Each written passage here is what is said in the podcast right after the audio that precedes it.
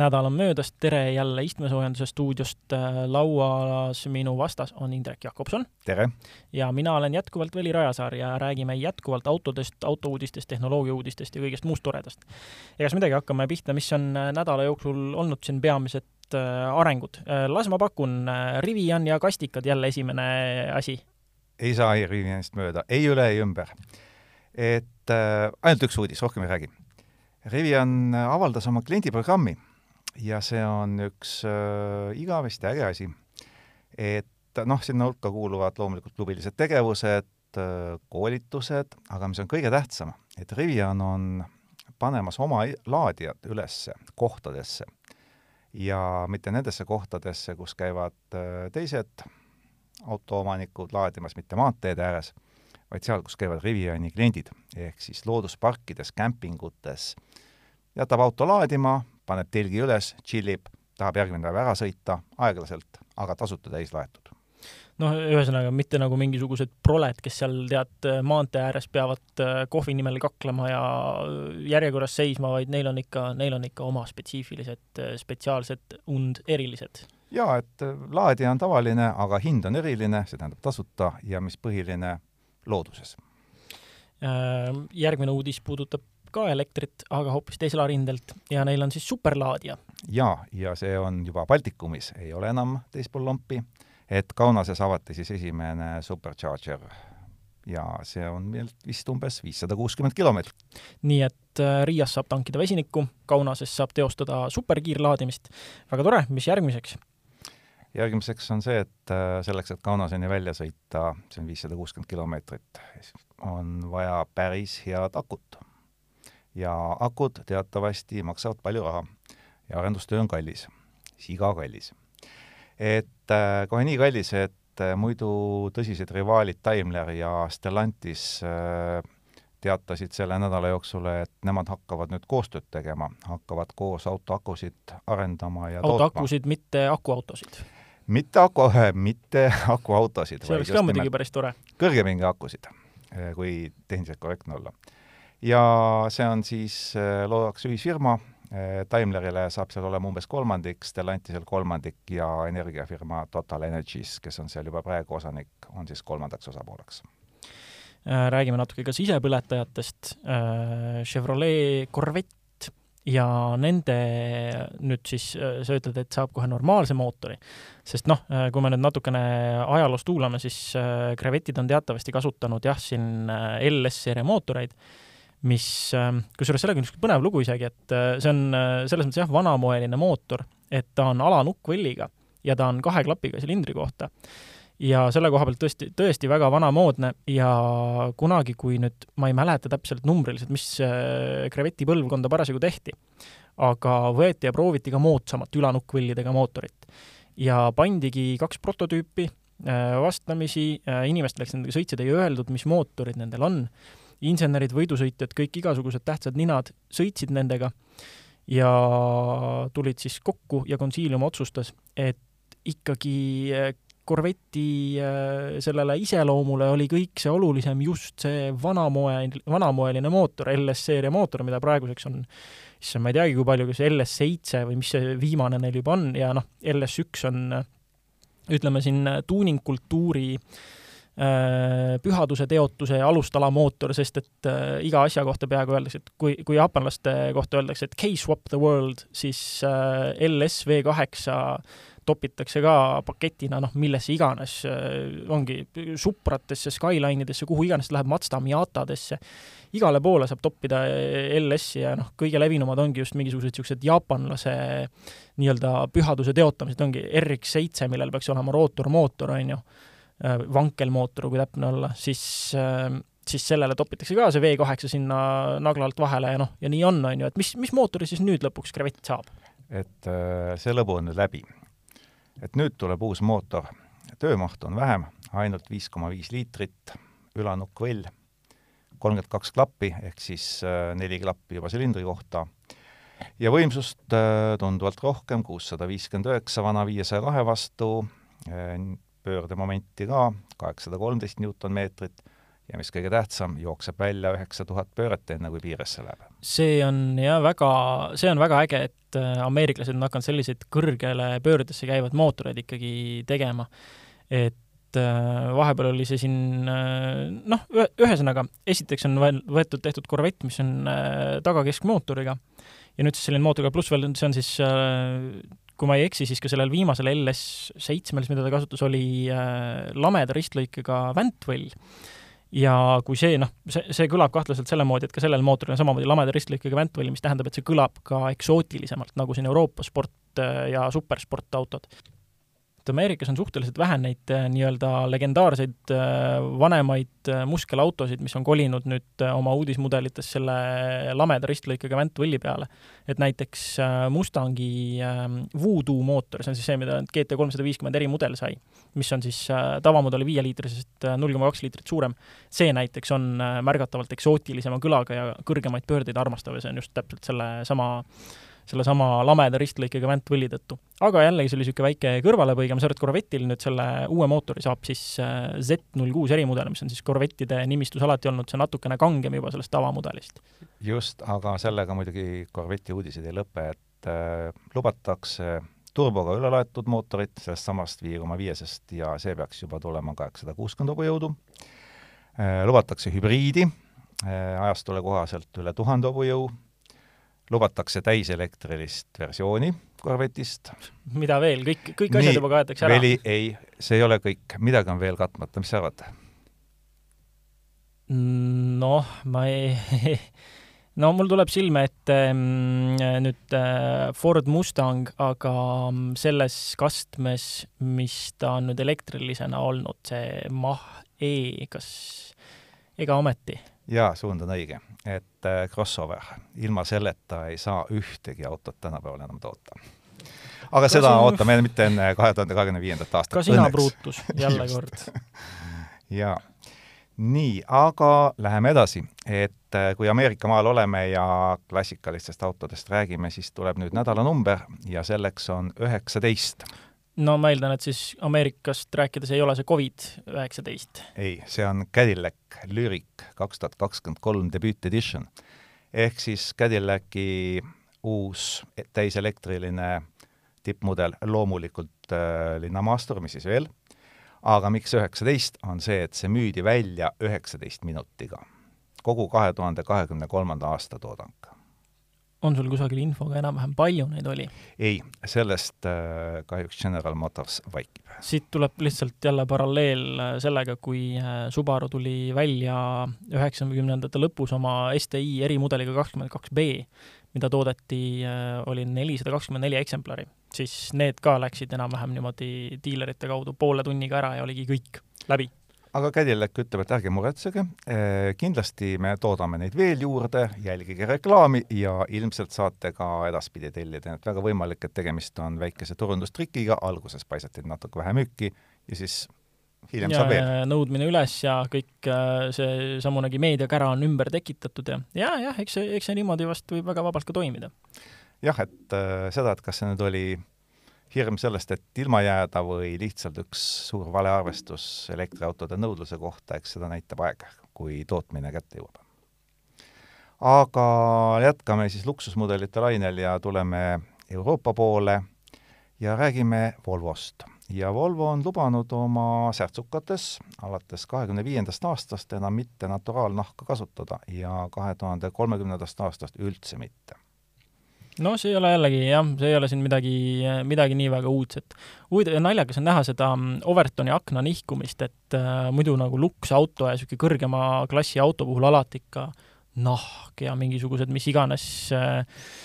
äh hald ja, ja ma ei tea, mis kastetilkadest tehtud asjad, on ju, mingid ägedad laminaadid ja värgid ja nüüd siis on hoopis nii, et luksauto, aga nahka ei ole ja see teebki selle luksuslikuks ja et äh, millega nad seda nahka kavatsevad asendada, seda on põnev näha, aga muidugi esialgu tal ju ainult üks äh, täiselektriline auto ongi C40 Recharge, et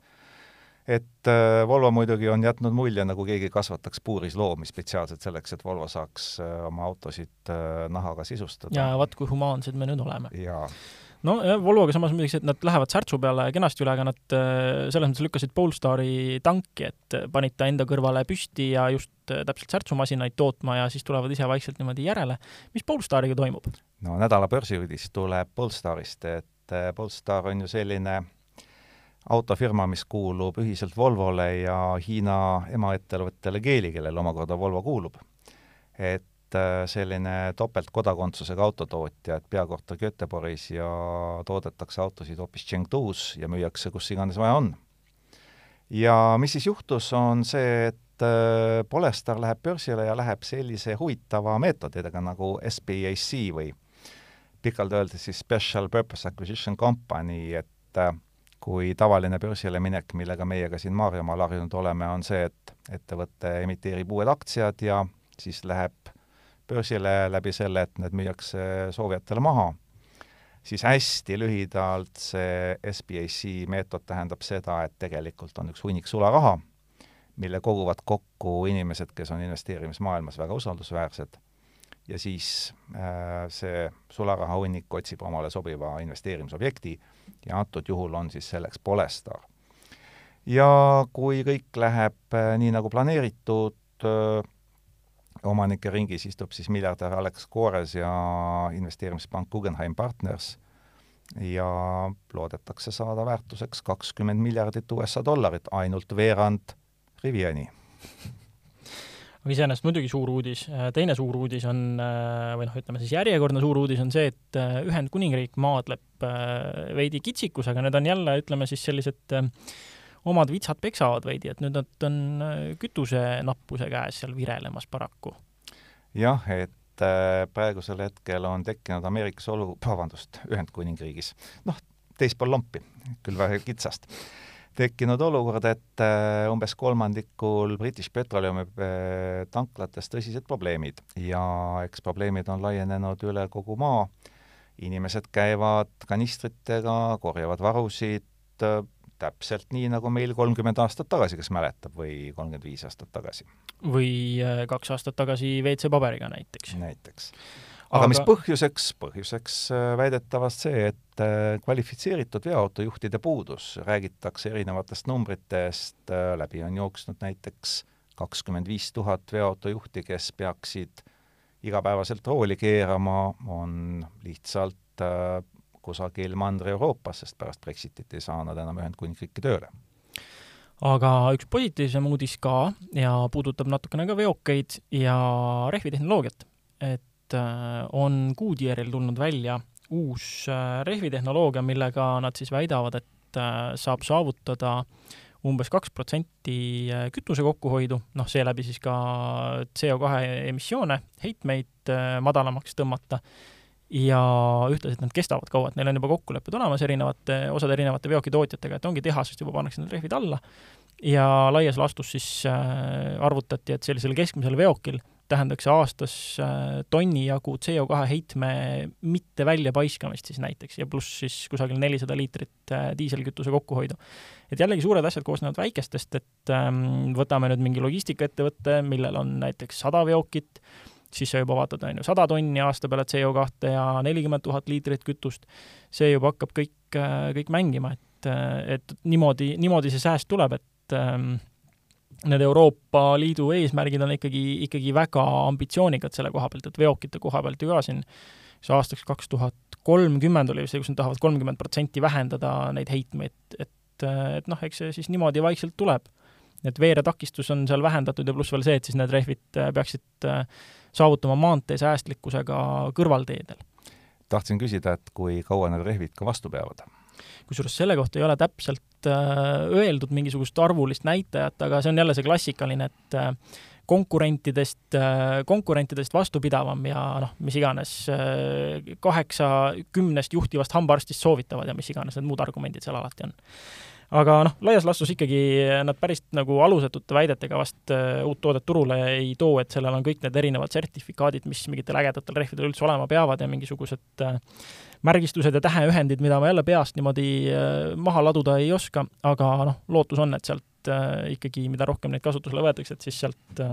sealt tekib ka mingisugune päris märgatav, arvestatav kokkuhoid. Ja pluss veel see, et eks see ikkagi sunnib ju ka konkurente takka. et äh, selline väike sõda ja puselemine on alati hea olnud. kas sa panid tähele, et kui sa tutvustasid seda rehvi ja rääkisid talle kiidulaulu, siis ühe korra märkisid kütusekulu kokkuhoidu ja umbes viis korda rääkisid sellest, kui palju CO2 pääst väheneb, et mis on hetkel maailmas oluline? jah,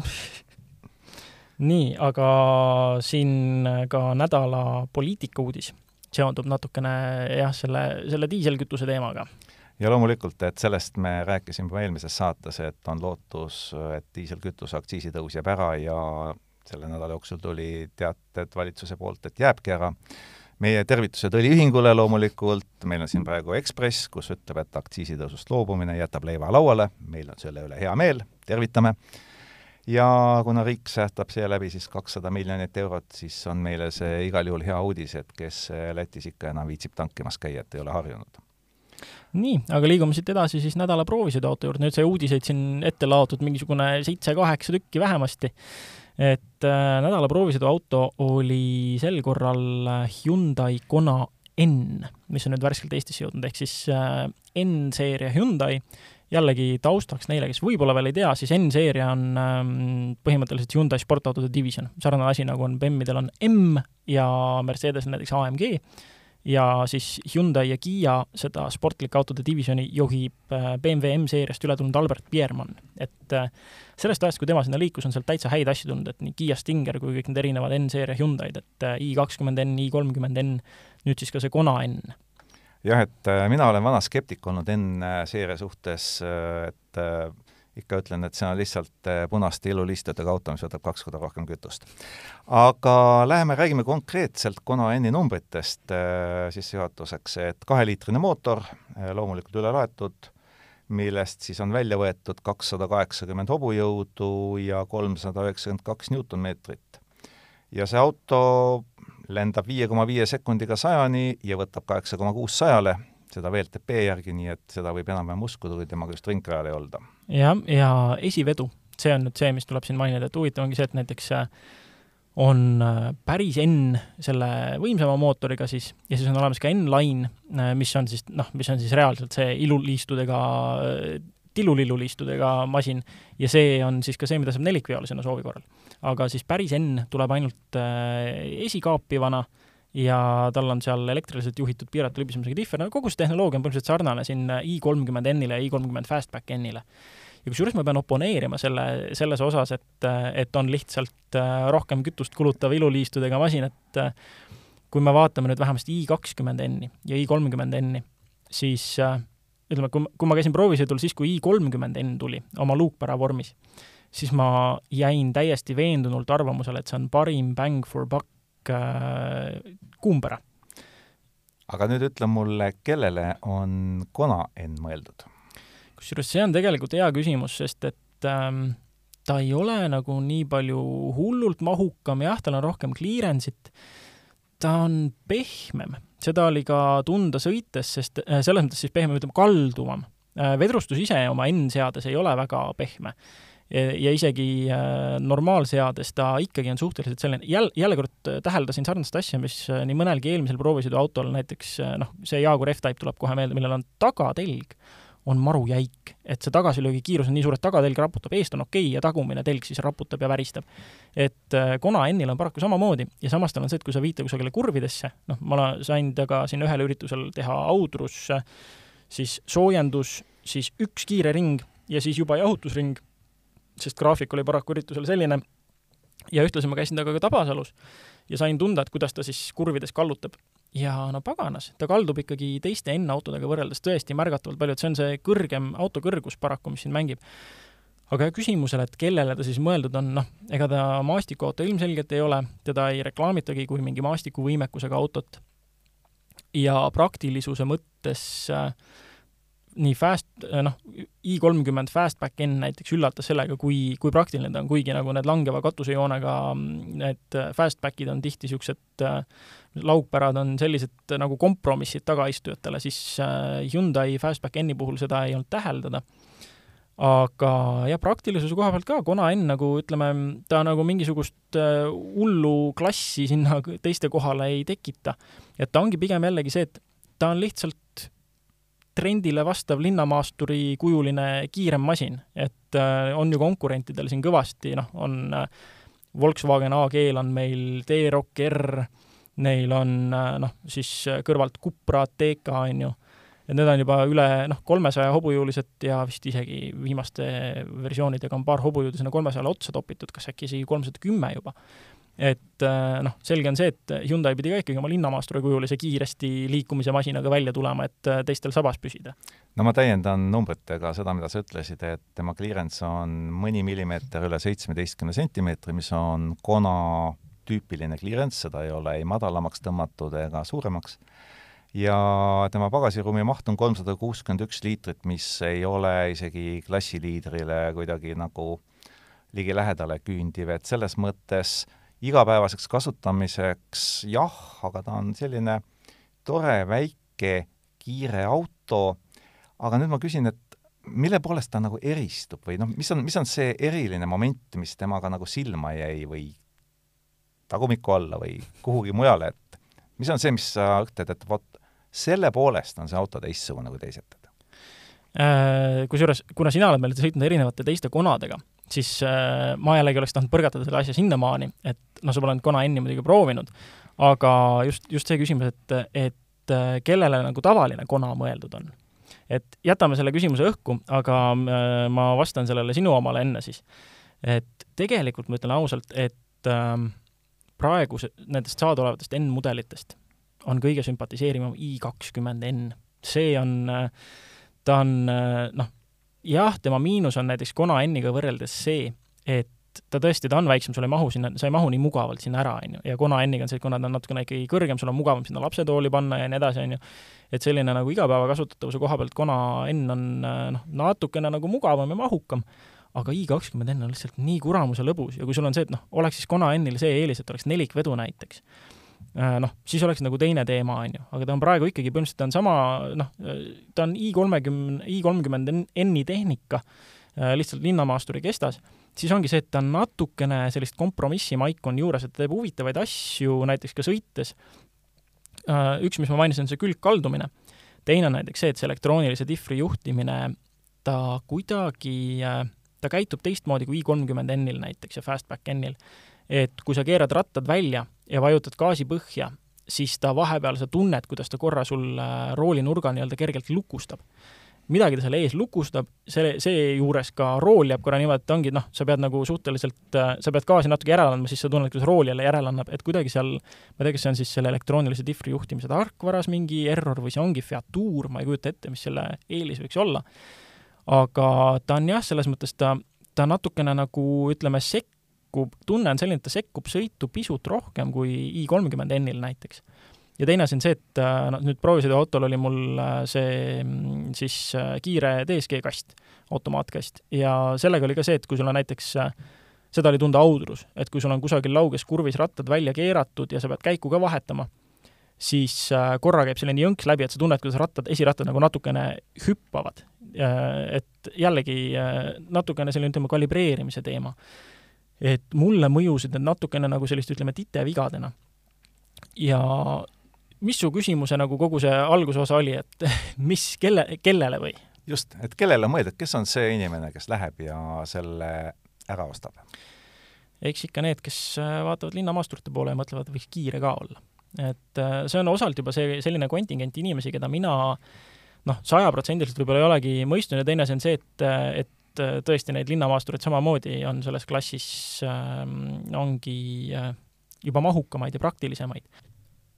ja samas Kona N-i hind on ka ikkagi kõrge, et algab kolmekümne ühe, kolmekümne kuue tuhande üheksasaja üheksakümne juurest. et ta on ikkagi juba lähes neljakümne tuhande euro auto, et see on sama teema, mis on i kolmkümmend N-iga juhtunud, et äh, kui ta veel välja tulles oli alla kolmekümne auto ja see oli ka põhjus, miks ma ütlesin, et see on parim bang for buck kumbera siis nüüd on see masin ka seal kolmekümne viie piirimail ja isegi üle selle.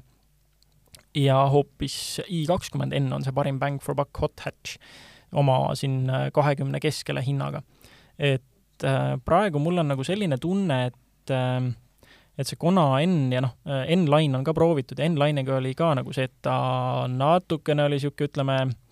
tal, tal, tal ei olnud nagu ütleme, sellist fookust et ta üritab olla ikkagi sportlikum, on ju, aga siis sa ei tajugi seda nii väga, et äkki on auto, mida nagu reklaamitakse sul sportlikuna ja siis sa tunned, et nii mõnigi teine masin, mille kohta isegi öelda, et see peaks sportlikum olema, on kuidagi konkreetsem nendes asjades.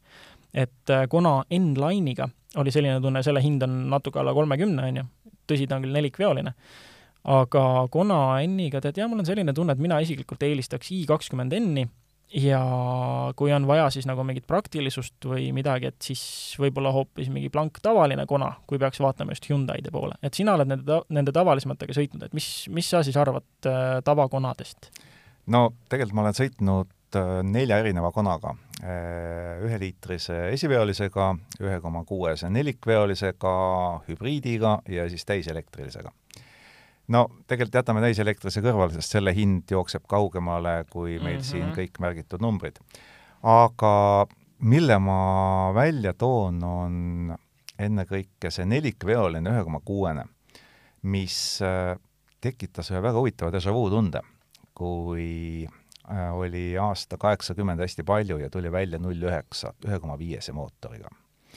siis see tunne, et see auto suudab nagu kõik väike võrreldes eelmistega, mis no võib-olla ta joone peale pannes nagu väga palju kiiremini ei läinud, aga see tunnetus, et see on nagu üks tervik, mitte väga suur ja lahmakas, kuidagi see tunne tekkis täiesti selle ühe koma kuuese nelikveolisega sõites samamoodi, et eh, kuna ta on suhteliselt väike, suhteliselt kerge, siis tal on see minek ja samal ajal selline kompaktsus selle juures, et ta ei tundu nagu suur ja lahmakas või tal ei ole lihtsalt nagu ülemäära palju jõudu ja noh, sai neid ka tänu talvele katsetatud libeda peal, loomulikult esiveoline ja nelikveoline käituvad täiesti teistmoodi, aga nad käituvad ettearvatavalt, mõistlikult, et kui sa väga palju rumalusi ei tee, siis ta ei lähe käest ära või kui ta läheb, siis sa oskad ta tagasi tuua ilma eriliste trikkideta. et selles mõttes äh, autona, mis sobib tegelikult inimesele, kes väga palju ruumi ei vaja, aga kellele meeldib kas siis säästlikum kulgemine või natukene lõbusam kulgemine, kuna on täiesti arvestatav äh, alternatiiv. hübriid ei jätnud mulle mingit muljet, ütlen ausalt, et äh, jah, äh, tore auto, sõidab hästi, aga ei mingit emotsiooni, et vot näiteks äh, kui tuua siia juurde Renault hübriidid mm, -hmm. siis eh, need jätavad oma sujuvusega selle tunde, et seda autoga tahaks sõita, see on nii mõnus. mitte, et ta oleks yeah. väga luksuslik, aga just see hübriidajam on neil paremini õnnestunud aga kui rääkida Kona N-ist äh, seal tema oma elemendis, kuna noh, ma sain teda, nagu ma ütlesin, Audrus temaga sõita ja ma sain temaga ka Tabasalus sõita kähku ja rajal, ka seal väiksel rajal aja maha märkida, siis ähm, Audrust rääkides on see, et ma sain selle ühe hotlapi, ma tegin kohe esimeses kurvis äh, liiga hilise pidurduse tõttu trajektoori vea ja sellegipoolest mu aeg oli üks kolmkümmend kaks äh, koma null viis. ühesõnaga kolmekümne kahe alguses täiesti selge on see, et see auto koos kõigi teiste Hyundai N-mudelitega on audrus alla üks kolmekümne klubi masin tegelikult, kui teda natukene pigistada ja veidikene kokku kasvada. et, ja noh, see alla üks kolmekümne, see on, see on juba tegelikult ikkagi väga kiire tänavamasin. et äh, siin on nii mõnegi autohuvilisega arutletud, et et millised on siis need masinad, mis audrus äh, otse salongi põrandalt äh, sinna sõites sõidavad alla üks kolmekümne ja jäävad seejuures alla neljakümne tuhande hinnas ja nüüd ongi, see on, see nimekiri on täis Hyundai'sid, äh, nelikveolised sealt põhimõtteliselt ei leia, kui kõrvale jätta GR Yaris, Toyota oma, mis, äh, mis äh, noh, mida, mille saadavusega on lihtsalt muresid. et selles mõttes kõik need Hyundai N-autod on paketina väga-väga head ja kiired, aga kõige vahetum elamus Audrus sõita oli ikkagi i kakskümmend N-iga. Äh, i kolmkümmend N oli juba niisugune mugavam ja stabiilsem ja ka väga kiire, aga ütleme, lõbususe osas i kakskümmend N oli ikkagi üle, just seetõttu, et ta on nii kerge, natuke üle tuhande kahesaja kilogrammi, on ju. ja seal see esivedu ei mängi mingit rolli tegelikult, et et äh, kuiva asfaldi peal seal vahet ei ole, mis vedu sul on, kõik need masinad on väga, mis iganes veoga masinad sinna viid kuival asfaldil on kõik kiire, kiire ja lõbus. et äh, paraku tuleb öelda, et Kona N-iga oli see, et Audrus ta nendest kolmest tundis ennast kõige mittekodusemalt ikkagi. et kui sinna kas või sinna karusselli minna, mis on siis see komplekskurv, et äh, parem ja siis äh, sisse kallutava äh, sisse kallutav vasak, mis läheb siis raja kiiremasse kurvi edasi. et siis selle karusselli läbimisel oli ka see, et kui pidamise piiril sinna sisse lennata, siis tagaots hakkas natuke nagu hüppama. sa tundsid, kuidas, kuidas G-jõud suruvad tagumisele vedrustusele peale ja kuidas tagumine parem ratas hakkabki kergelt hüppama lihtsalt. et äh, et selline väga huvitav, et ma arvan, et see on, langeb kokku ka sellega, mis ma vedrustuse kohta ütlesin, et tagatelg on ikkagi see tagasilöögi kiirus on nii kiire, et ta põrutab, et tõenäoliselt ka see seal kuidagi mõjutab seda, et ta ei saanud nii hästi oma tööga seal hakkama ja hakkaski nagu nii-öelda kergelt viskama. et et selles keskkonnas, noh, Kona enne linnamaasturite kontekstis muidugi väga vinge, väga tore, aga ütleme, praeguse seisuga mulle tundub, et teised Hyundai N-id on ikkagi paremad. nüüd kähku Tabasalust rääkides, äh, selleks ajaks olid äh, Kona N-ile pandud juba mitte need äh, Hyundai N-autodele mõeldud Pirelli B0 erirehvid siis, mis on siis kõigi eri N-mudelite jaoks aretatud, need olid otsa lõpnud ja ma sain alles hiljem aru, et sinna olid, pärast oma kiireid ringe sain aru, et sinna olid alla pandud üldse mitte enam need õiged rehvid ja see tulenes siis sellest, et äh, nad ikkagi läksid väga kuumaks ja ilmnes, et, et ähm, värskelt alla pandud rehvid on juba natukene, natuke liiga palju kuuma saanud. et ütleme, see aeg, mis ma Tabasalus maha märkisin, ei ole siin äh, konkureeriv teiste Hyundai N-idega, mis, äh, millel olid need õiged B-Zerod. aga ka Tabasalus oli sedasama teemat, et ta ikkagi äh, esi, esitelg ei tundu nii konkreetne, ta vahepeal lukustab, ta vahepeal viskab natukene või hüppab nii-öelda siis käiguvahetustel. Äh, Tabasalu vähemalt ma seda hüppava tagatälje probleemi esile kutsuda ei suutnud, aga laias laastus jah, jääb selline tunne, et, et Kona N-i puhul tuleks oodata järgmist mudeli värskendust, kus ka veermikuga natukene toimetatakse ja võib-olla siis selle tarkvaraga, mis juhib elektroonilist äh, difrit.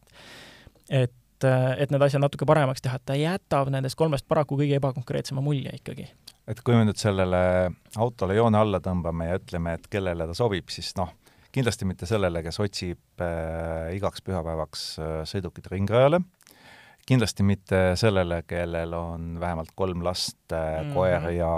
äh, iga päev ja vanaema. ja vanaema, vanaemal ei ole enam kohta, et äh, ja hinnaklass äh, läheb samamoodi suhteliselt kõrgele, et tõenäoliselt jääbki Kona N ikkagi selliseks üsna nišitooteks, aga kindlasti on talle oma selline klientuur olemas, kellele meeldib lihtsalt natukene kiirem esiveoline auto. Jah, sest jah, linnas ei jääda kuidagi hätta, ütleme noh, jällegi rajal ta ei jää ka hätta, see on lihtsalt jällegi see minu purism ja võrdlusmoment teiste autodega, mistõttu ma, ma annan sellise hinnangu, et võib tunduda, et ongi, kõik on väga kehvasti väga,, väga-väga kehvasti, noh, tegelikult ei ole tegelikult inimesele, kes käibki, kes ei käi igal pühapäeval rajal, vaid ütleme suvel korra-kaks rajal, täiesti adekvaatne, väga kiire. palju kallimatele masinatele saad tagatulesid näidata seal raja peal, kui sa vähegi, vähegi sõita mõistad. et, et selles mõttes paketina noh, ta ikkagi on praktiline, ta on kiire, linnas linnas foorist foorini ei ole ka väga palju, kes suudavad ülbitseda ära vajutada, sest noh, Kona N-il samamoodi on äh, see siis äh, kaheosalise kuumakojaga turbo, twin scroll turbo on ju, mis väga kiiresti takka tuleb kogu oma pöördemomendiga on ju, väga kiiresti saab tööhoo sisse. et ta on kiiresti reageeriv, käiguvahetus on ülikiire, et äh, tal on veel lisaks see kahekümne sekundiline N-Grin Shift mode, mille sa saad suurelt, rooli peal on suur punane nupp, vajutad, noh, ongi NGS peal kirjas, NGS nagu naerugaas ja saad seda vajutada ja sul on kakskümmend sekundit see N-Grin Shift, mis teeb need käiguvahetused veel kiiremaks, agressiivsemaks, on ju. et äh, tal on tegelikult seda elamust ja kõike, aga kui sa oled kogenud neid teisi N-mudeleid, siis ta ei ole enam päris see. et siis ta ei ole enam nii fokusseeritud ja noh, pole midagi teha, selles, vähemasti selles paketis, selles pakendis on see linnamaastur ja kiire sõit, äh, ta on natuke niisugune ikka kompromissimaigune paraku veel. aga tegelikult mulle alati meeldib see Range Roveri omanike kirjeldus et, et üheksakümmend viis protsenti nendest ei keera mitte kunagi asfaldilt maha tõenäoliselt ka üheksakümmend protsenti Kona-N-i omanikest ei jõua kunagi ringrajale. järelikult äh, on neid autosid võimalik edukalt ka müüa täiesti igapäevakasutusse. jah, ja noh, jällegi äh, ootame huviga, noh, sel korral siis mina ootan huviga mm, kõiki äh, kommentaariumides ja mujal vastu peadandjaid ja lugejakirju ja kommentaare, kuidas ma nüüd tegin liiga ja kuidas ma ikka ei saa mitte millestki aru Äh, ühe toreda lugejakirja me tegelikult isegi oleme vist selle Jaguar F-Type'i kohta ju saanud. jaa, ma loen selle ette äh, sõna-sõnalt. Äh, kuulasin su viimaseid Jaguari seiklusi ja jagan mõtteid arvutikoti osas. need, kellel selline auto on, omavad raudselt väiksemat arvutit. Nad ei pane oma kotti poriste jalgade juurde ja nii palju, kui ma rikkaid filmides näinud olen, siis panevad nad alati oma pakid vööri. salongi ei võeta midagi. Kui pagasnik avanes mugavalt, siis neil arvutikoti probleemi ei teki eestlane võtab kõik salongi ja istub oma kompsude otsas. nii et probleem ei ole kuidagiviisi mitte jaaguris, vaid probleem on ikkagi meie suhtumises ja selles, kuidas me seda autot kasutasime, on ju. mida me tast ootasime, et ei ole see mingisugune, tead siin üheksakümne teise aasta Corolla, kuhu sa kõik kompsud võtad sisse, on ju. muidugi, õige õige, et sarnaseid lugejakirju ootan ka Kona N-i osas. äkki ma ei ole selle auto iseloomu või loomust ja kasutusvõimalusi ja viise ja kõiki asju ja omaniku mentaliteeti katki hammustanud lihtsalt. äkki ja, ma tegin liiga? me täname kõiki neid, kes meile oma mõtteid jagavad. ja mõtetest rääkides, siis äh, aeg ongi saade kokku võtta nädala auto mõttega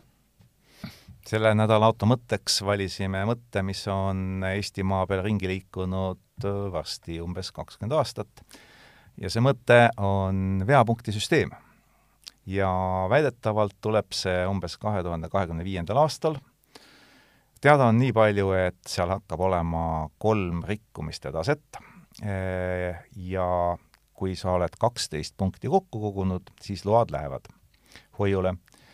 kuidas kaksteist punkti kokku koguda, see ei ole veel täpselt teada, aga noh, inimesed on harjunud ju koguma kleepse punkte eluaeg, nii hasart tekib, on ju. jah, ma arvan, et see ei ole keeruline. ja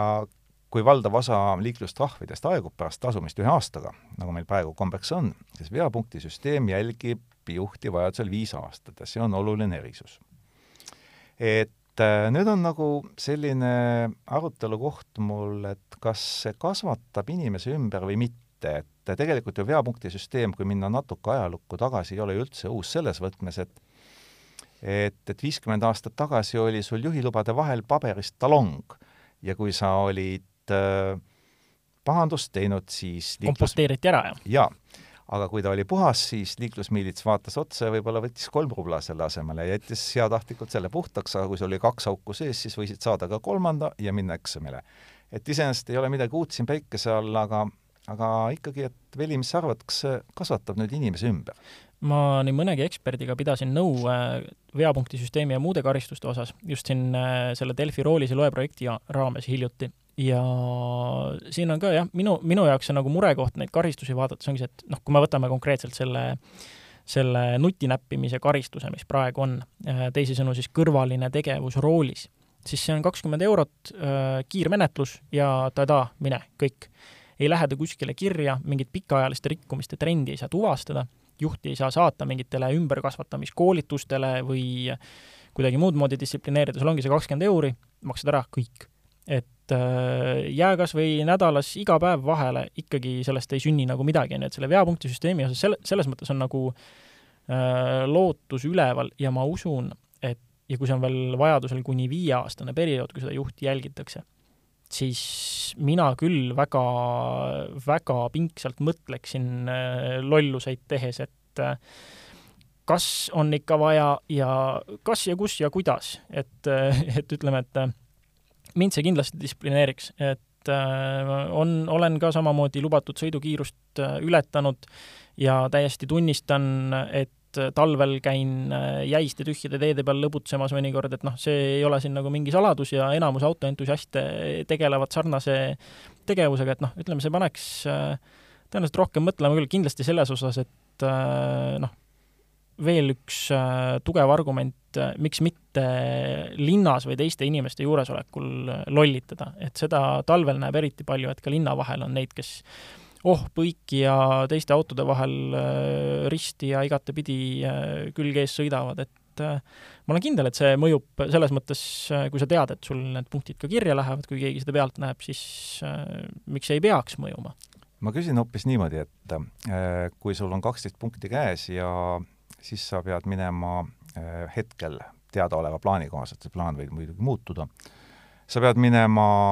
äh, maantee, vabandust, Transpordiametisse tegema eksami uuesti, et sa liikluseeskirju tunned, ja väidetavalt on võimalus oma äh, paturegistrit lühendada sellega, et sa käid psühholoogilisel nõustamisel või muul sarnasel toimingutel, mis peaks sind ümberkasvatamisele natuke kiiremini mõjuma. Et äh, advokaat äh, Indrek Sirk on tegelikult sel teemal natukene sõna võtnud ja iseenesest tema teab ju väga hästi, kuidas on sari rikkuja, no selline, kellel on laua peal niisugune mõne sentimeetrine virn kviitungitest, kuidas seda on võimalik kahe minutiga ümber kasvatada ja selleks ei ole üldse vaja inimese kallal füüsilist vägivalda tarvitada ega ka mitte veapunktisüsteemi. aga sellest ta ei ole siiamaani rääkinud, räägitakse ainult veapunktisüsteemist. Et kui ma ise vaatan ja mõtlen nendele meetoditele, siis noh, ma väga sellele ümberkasvatamisele ei usu, aga mis võib mõjuda, on tõepoolest see, et kuna teatavasti karistuse vältimatus on üks asi, mis rikkujat tagasi hoiab ja kui ta teab, et tal on võimalus olla viis aastat versus üks aasta patune ja paratamatult ta selle kuskile vahele jääb, siis need tal ühel hetkel ka tekivad ja lubadest ilma jääb. et selles võtmes puhtloogiliselt tundub see karistuse perioodi pikendamine juba mõistlik mm. -hmm. tõsi, ja noh, ja põhiline ongi ju see, et ütleme, kui, kui inimene paneb toime liikluses mingi rikkumise või lolluse, siis üldjuhul eelneb sellele ikkagi teadlik otsus, see ei ole noh, ma noh, okei okay,, ütleme, on võimalik ups, et mõte läks mujale ja ma tühjal teel ei jälginud enam oma kiirust ja noh, mida mugavam, noh, erinevad mugavad maanteelaevad ongi säärased, et tõesti, sa võid, võidki ennast korra unustada ja sul kiirus äh, kasvab, on ju. noh, seda upsi selle koha peal äh, mööndustega võib nagu kuidagi nagu uskuda, aga mitte siis, kui sellel inimesel on nagu äh, ees siin kolm või neli või viis upsi. aga, aga just see, et kui ma näiteks tean, et ma olen, ma sõidan maanteel, mul sõidab aeglasem keegi ees ja ma tean, et möödasõidu tegemiseks ma pean lubatud sõidukiirust ületama või veelgi enam, ma näen, et mul avaneb see möödasõiduaken kus ma saan selle kiiresti sooritada ja ma mõtlen sellele, et noh, ma tahan selle teha kiiresti, on ju, siis ületan selle võrra veel rohkem kiirust, see on kõik teadlik otsus, ma mõtlen selle kõik läbi. et teadmine, et ähm, see võib mul nüüd viieks aastaks mind nagu kummitama jääda Äh, see, see kindlasti tõmbaks nagu natukene seda soovi alla, et nagu ma olen ka öelnud omal parempoolse rooliga MR2-ga sõites, mul tihti maanteel see möödasõidu teostamise soov üldsegi kaob kuskile mõistuse taha otsa ära ja ma chillingi rahulikult seal, et ei olegi vaja seda möödasõitu teha, sõidangi rahulikult. et äh, mis iganes suudab panna juhi enne lolluse teostamist mõtlema, on juba hea asi. Ja ma arvan, et äh, viie aasta pikkune plekk sinu nime taga võib tegelikult päris, päris toimiv lahendus ikkagi olla. jah, et äh, kui me arvestame sellega, et äh, inimene on reaalselt äh, enne sõitma minekut teadlik, et kui ta nüüd selle sõidu jooksul libastub, siis tal lähevad load ja päris kauaks, siis ma arvan, et selline pisiasjadest kogunev suur hirmutunne tegelikult distsiplineerib päris hästi, aga distsipliini meil ju liikluses tegelikult viisakuse kõrval kõige rohkem vaja ongi. täpselt. et jääme ootama aastat kaks tuhat kakskümmend viis ja vaatame, mida see veapunktisüsteem meile siis äh, ka päriselt äh, kaasa toob. tänud, et kuulasite ja järgmine kord jälle! Kuulmiseni!